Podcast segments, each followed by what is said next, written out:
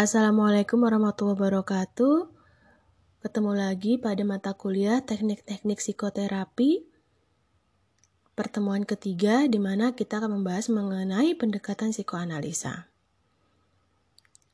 Yang pertama, kita melakukan perkenalan terhadap psikoanalisa. Psikoanalisa adalah salah satu aliran utama sejarah psikologi, teori psikoanalisa dari Sigmund Freud. Psikoanalisa adalah sebuah model perkembangan kepribadian, filsafat tentang sifat manusia dan metode psikoterapi. Psikoanalisa adalah aliran pertama dari tiga aliran utama psikologi. Dia yang paling utama. Selanjutnya yaitu behaviorisme dan juga eksistensial humanistik.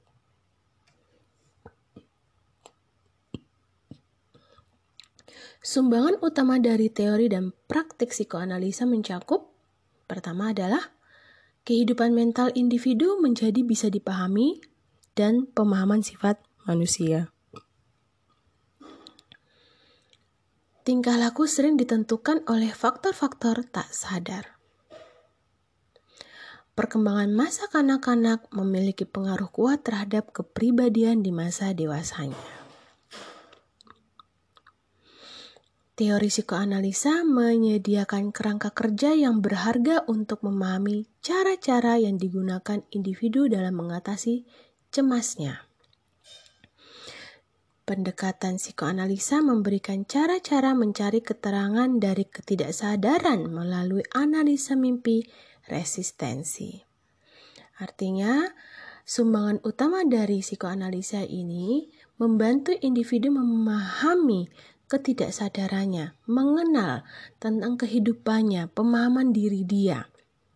Yang mana yang dari tidak sadar dan dia akan menyadari bahwa kenapa dia bisa demikian, kenapa muncul tingkah laku seperti itu. Konsep dasar utama psikoanalisa ada id, ego, dan superego. Yang pertama kita membahas tentang id.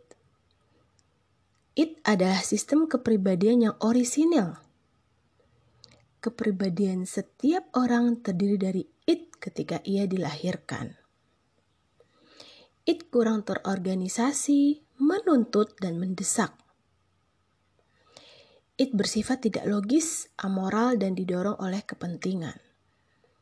It ini, karena dia berada paling bawah, sehingga dia tidak logis. Artinya, it ini lebih mendorong apa yang aku inginkan harus aku dapatkan tanpa memikirkan yang lainnya. Lebih egois begitu. Yang kedua ada ego. Ego adalah eksekutif dari kepribadian yang memerintah, mengendalikan, dan mengatur. Tugas utama ego mengentarai naluri-naluri dengan lingkungan sekitar. Ego mengendalikan kesadaran dan melaksanakan sensor. Sensor itu apa yang dia dapati, dia terima, dan dia mengendalikan kesadarannya itu untuk melaksanakan perintah atau yang dia terima, yang dia lihat. Ego diatur oleh asas kenyataan. Ego berlaku realistis dan berpikir logis, serta merumuskan perencanaan tindakan bagi kebutuhan. Ego tempat intelijensi dan rasionalitas yang mengawasi dan mengendalikan impuls-impuls dari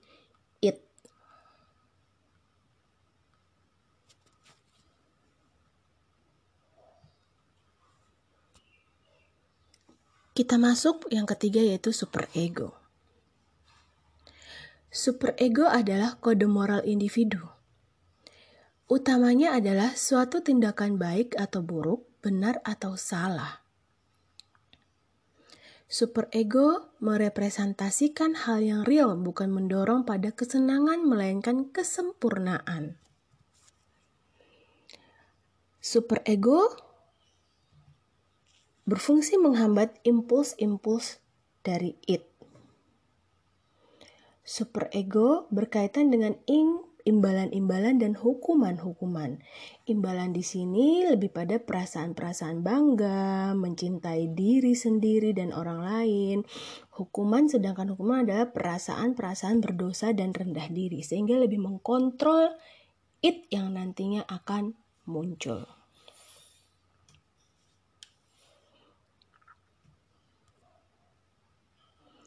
Oke, sekarang kita masuk pada apa itu kesadaran dan ketaksadaran.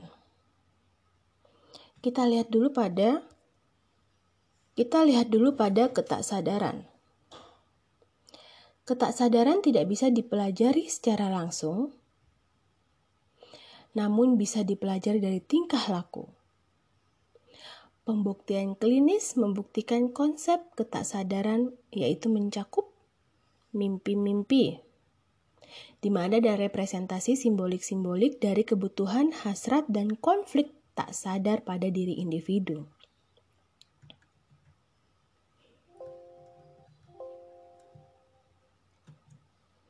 Salah ucap ataupun lupa, misal terhadap nama yang dikenal. Ini bentuk juga dari ketaksadaran. Sugesti-sugesti pasca hipnotik ada sebuah uh, sugesti-sugesti yang dia peroleh. Misalkan dia melakukan pasca hipnoterapi hipnotik gitu ya. Dia mendapatkan sugesti-sugesti dia akan masuk ke dalam ketaksadarannya itu untuk membantu dia lebih uh, mumpuni dalam menghadapi perilaku tingkah laku dan uh, dirinya. Adapun bahan-bahan yang berasal dari teknik asosiasi bebas di mana dia bisa mengasosiasikan apa pun eh, kejadian-kejadiannya itu kan? Yang mana kita berikan pada teknik asosiasi. Nah ini bisa membantu ketak apa ketaksadarannya. Ini kita dapatkan dari ketaksadarannya. Membantu mendapatkan dari ketaksadarannya ya bukti klinisnya tersebut. Bahan-bahan yang berasal dari teknik proyeksi dia munculkan, dia bangkitkan menggunakan teknik-teknik yang mana untuk mengeluarkan uh, proyeksi pada dirinya. Kesadaran. Bagi Freud, kesadaran merupakan bagian terkecil dari keseluruhan jiwa. Seperti gunung es yang mengapung yang, ba yang bagian terbesarnya berada di bawah permukaan air. Bagian jiwa terbesar berada di bawah permukaan kesadaran. Coba Anda lihat gambar gunung es. Nah, kesadaran itu hanya sebagian kecil. Seperti gunung es ini ya. Kesadaran itu hanya sebagian kecil. Tapi ketaksadaran diri manusia itu, individu itu sangat besar. Ini yang di-repress. Nah, ini kita bantu untuk yang ketidaksadaran ini bisa menjadi sadar dan membantu dalam kehidupannya sehari-hari. Ketaksadaran menyimpan pengalaman-pengalaman, ingatan-ingatan, dan bagian-bagian yang direpress, ditekan. Freud percaya bahwa sebagian besar fungsi psikologis terletak di bawah kawasan kesadaran.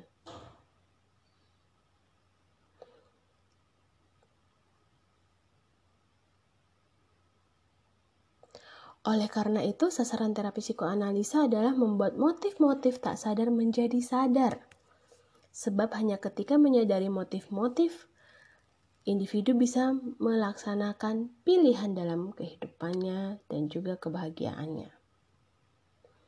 Meskipun di luar kesadaran, ketaksadaran mempengaruhi tingkah laku individu. Proses-proses tak sadar adalah akar segenap gejala dan tingkah laku neurotik atau tingkah laku yang mana eh, gejala atau gangguan itu muncul, perilaku yang tidak tepat itu muncul karena ada masalah neurotiknya, ada masalah tingkah laku neurotiknya. Dari perspektif ini, penyembuhan adalah upaya menyingkap makna gejala-gejala, sebab-sebab tingkah laku dan bahan-bahan yang direpresikan yang merintangi fungsi psikologis yang sehat. Nah, pada psikoanalisa ini membahas tentang mekanisme pertahanan ego atau defense mekanisme. Yang pertama itu ada penyangkalan. Pertahanan melawan kecemasan terhadap keberadaan kenyataan yang mengancam. Individu menolak sejumlah, individu menolak sejumlah aspek kenyataan yang membangkitkan kecemasan. Misal, kecemasan atas kematian orang yang dicintai uh, individu, di mana ada sebuah manifestasi penyangkalan terhadap fakta itu. Dia menyangkal. Lalu proyeksi. Suatu proses memetakan dan melampiaskan dorongan perasaan dan sentimental seseorang individu tersebut di luar dirinya. Sebagai proses yang bersifat defensif,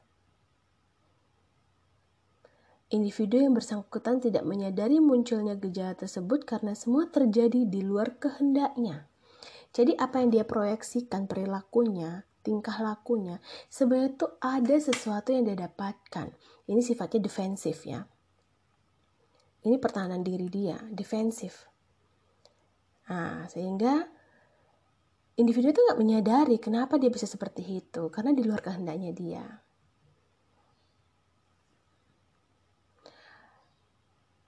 Ada juga fiksasi, yaitu menjadi terpaku pada tahap-tahap perkembangan yang lebih awal karena mengambil langkah ke tahap selanjutnya bisa menimbulkan kecemasan.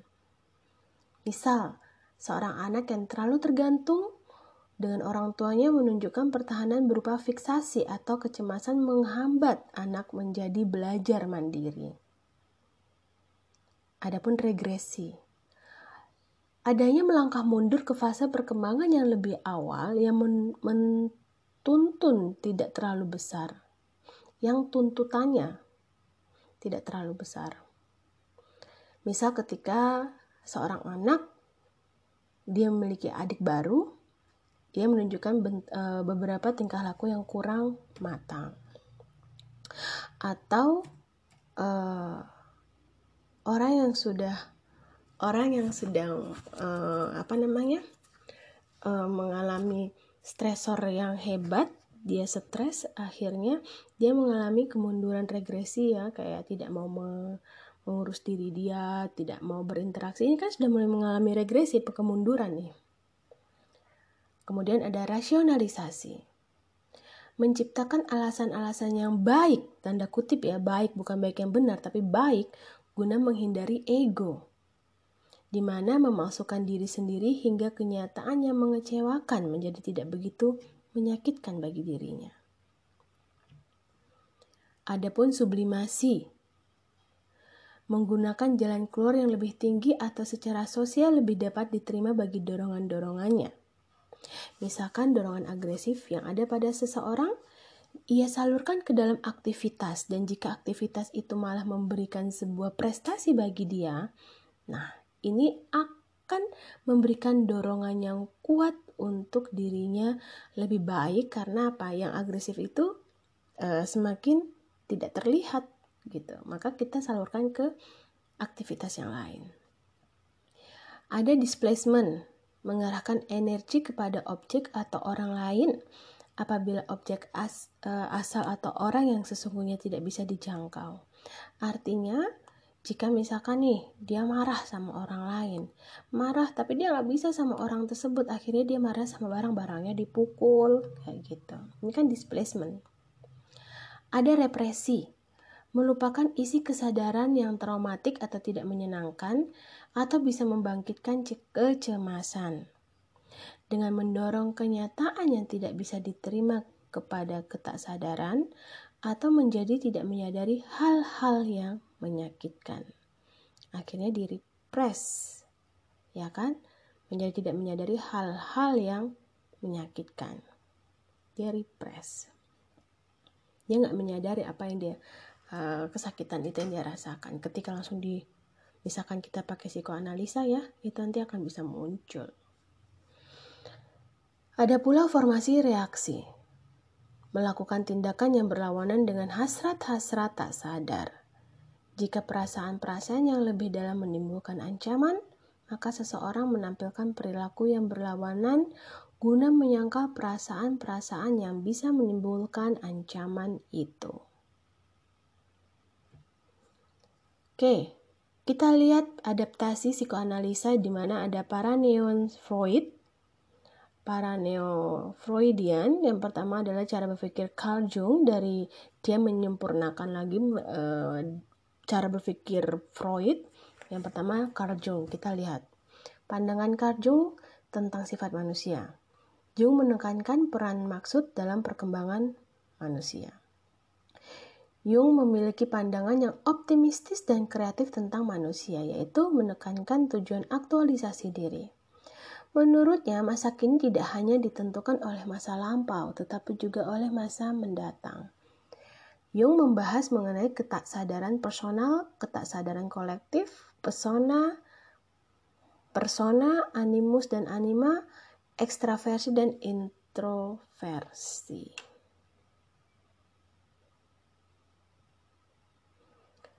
Ketaksadaran personal ketaksadaran personal di mana ada gagasan-gagasan yang menyakitkan dan pikiran-pikiran yang tidak matang bagi kesadaran ditekan dan diabaikan.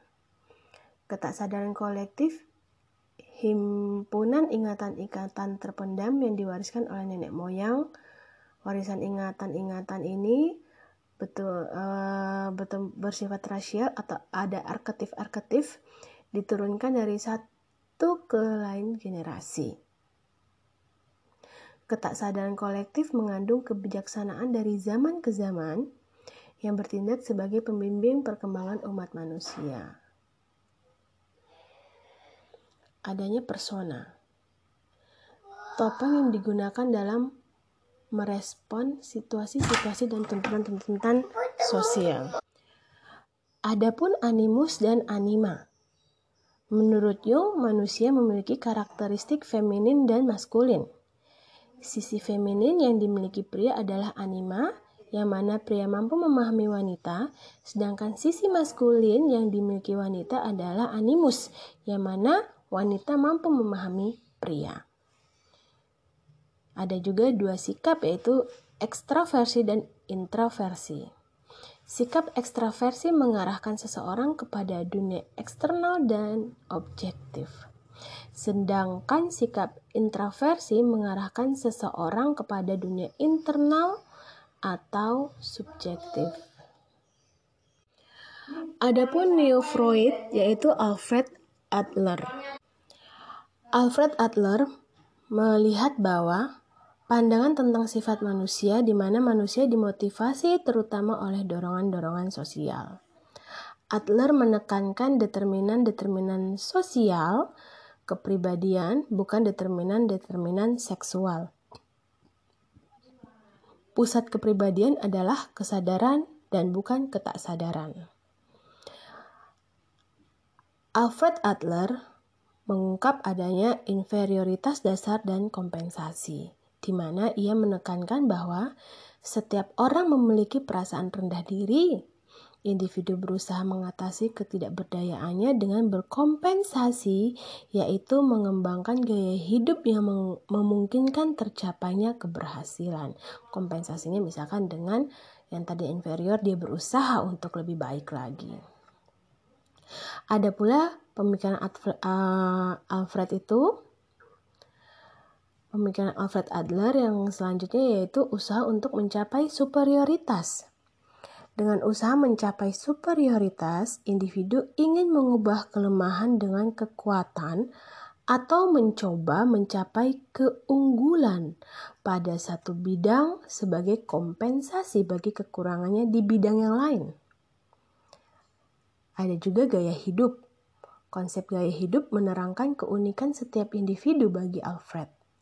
Gaya hidup individu eh, terbentuk pada masa kanak-kanak sebagai kompensasi bagi inferioritasnya dalam hal tertentu. Jadi menurut Alfred gaya hidup itu juga sangat ditentukan oleh uh, masa lalunya ya, masa lalunya dan juga uh, ada sebuah kompensasi inferior dalam hal-hal tertentu. Alfred juga mengatakan bahwa pengalaman masa kanak-kanak ini uh, sangat berpengaruh juga ya. Alfred melihat uh, menekankan jenis-jenis pengaruh awal yang menyebabkan anak mengembangkan gaya hidup yang keliru. Susunan dalam keluarga bisa memperkuat perasaan rendah diri pada seorang anak. Misalkan anak kedua, anak kedua itu anak yang uh, apa nggak bisa diem, pembangkang misalnya. Ada pikiran-pikiran demikian kan ya di masyarakat begitu. Itu membuat seseorang anak juga merasa tidak nyaman, merasa rendah diri, merasa sebagai troublemaker gitu. Nah, kita masuk pada proses terapeutik. Tujuan terapeutiknya psikoanalisa adalah membentuk kembali struktur karakteristik individu dengan jalan membuat kesadaran yang tak disadari di dalam diri klien. Proses terapeutik difokuskan pada upaya mengalami kembali pengalaman pengalaman masa lampau direkonstruksi, dibahas, dianalisa, dan ditafsirkan dengan sasaran merekonstruksi kepribadiannya. Terapi psikoanalisa menekankan dimensi afektif dari upaya menjadikan ketaksadaran diketahui. Pemahaman dan intelektual memiliki arti penting dari perasaan-perasaan dan ingatan-ingatan yang berkaitan dengan pemahaman dirinya.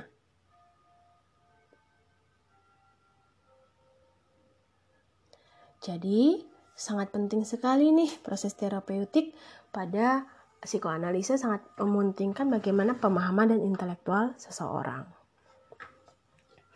Fungsi dan peran terapis. Karakteristik psikoanalisa adalah terapis membiarkan dirinya anonim serta hanya berbagi sedikit perasaan dan pengalamannya sehingga si klien memproyeksikan dirinya kepada terapis proyeksi-proyeksi klien menjadi bahan uh, terapi ditafsirkan dari analisa. Terapis berusaha membantu klien dalam mencapai kesadaran diri, kejujuran, efektivitas, efektifan dalam melakukan hubungan personal, dalam menangani kecemasan secara realistis. Fungsi utama terapis adalah mengajarkan arti proses kepada klien sehingga klien mampu memperoleh pemahaman terhadap masalahnya sendiri. Mengalami peningkatan kesadaran atas cara-cara untuk merubah diri klien lebih baik secara mental maupun perilaku. Dengan demikian memperoleh kendali lebih rasional atas kehidupannya sendiri. Klien dan terapis Hubungan yang berlangsung 4-5 kali dalam seminggu selama 3 atau sampai 5 tahun, karena ini memang long term ya, waktu selama 1 jam. Perlu ada kesepakatan biaya atau pembayaran.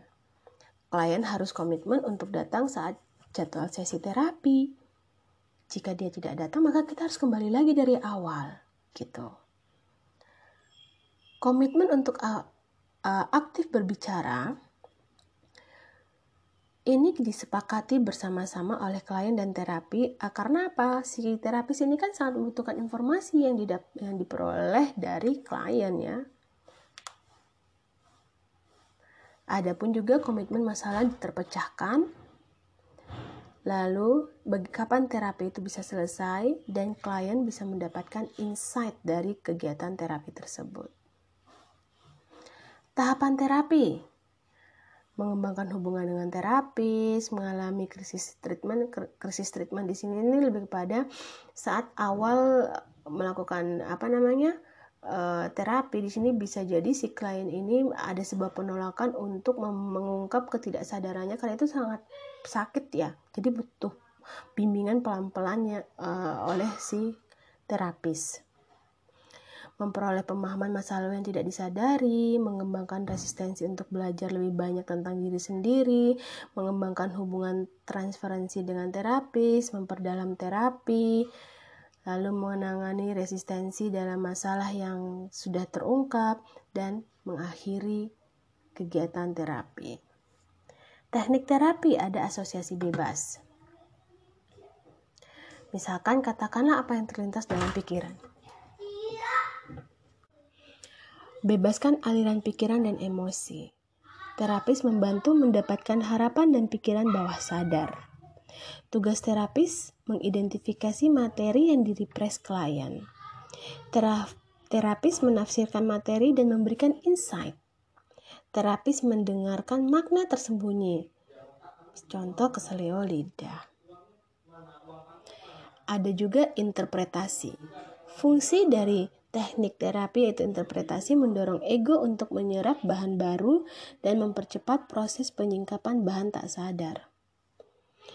Interpretasi ini analis ataupun uh, terapis menjelaskan perilaku dalam mimpi adanya asosiasi bebas. Menerjemahkan materi klien. Menafsirkan materi yang tidak disadari. Menunjukkan perilaku yang ditahan kemudian menginterpretasi emosi atau konflik yang mendasari. Analisa mimpi yaitu perasaan yang ditekan atau cerminan dari pikiran. Isi mimpi merupakan simbol atau tanda-tanda yang sebenarnya terjadi yang direpres oleh si individu.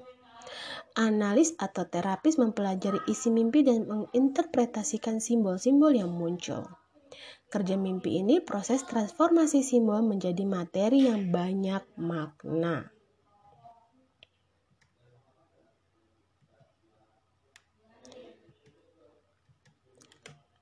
Ada pula analisa dan penafsiran resistensi.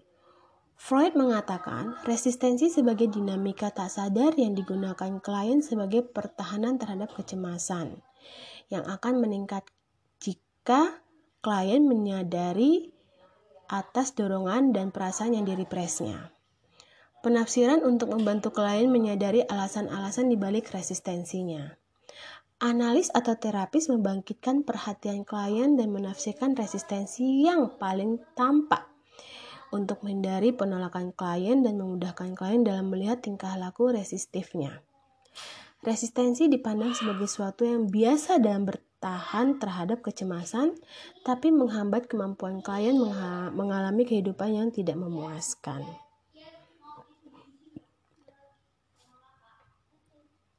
dalam analisa dan penafsiran resistensi juga uh, analis atau terapis mendorong klien mengalamatkan urusan yang tidak selesai ke terapis. Apa kira-kira yang tidak selesai dia transferkan pada terapis.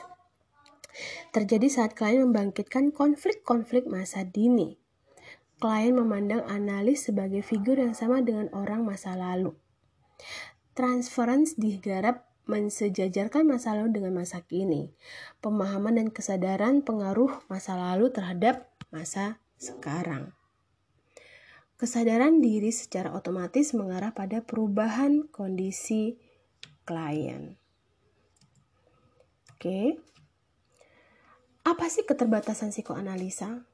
Pastinya terlalu lama, long term. Tadi saya bilang ya long term. Pasti secara biaya pun mahal karena sering bertemu dengan si klien dengan waktu durasi satu jam. Membutuhkan pelatihan terapis yang banyak, di mana si terapis ini harus si analis atau si terapis ini harus banyak latihan mengenai psikoanalisa. Karena bahaya kalau dia memberikan psikoanalisa yang tidak selesai itu kasihan si klien juga. Karena apa? Tidak tuntas. Karena kita sudah mengobok-obok alam bawah sadarnya. Terapis dalam kontrol selama sesi berlangsung. Artinya gini Terapis otomatis kontrol sama sesi berlangsung, tapi kalau si klien ini tidak bisa bekerja sama, susah juga untuk berjalannya terapi psikoanalisa. Tidak banyak fokus pada perilaku dan kognisi.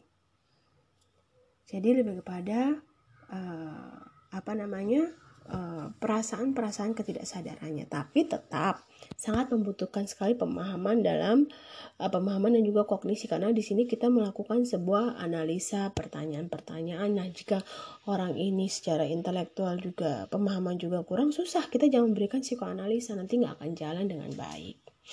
Demikian materi dari saya. Silahkan didengarkan dan dipelajari terlebih dahulu dan semoga bermanfaat. Terima kasih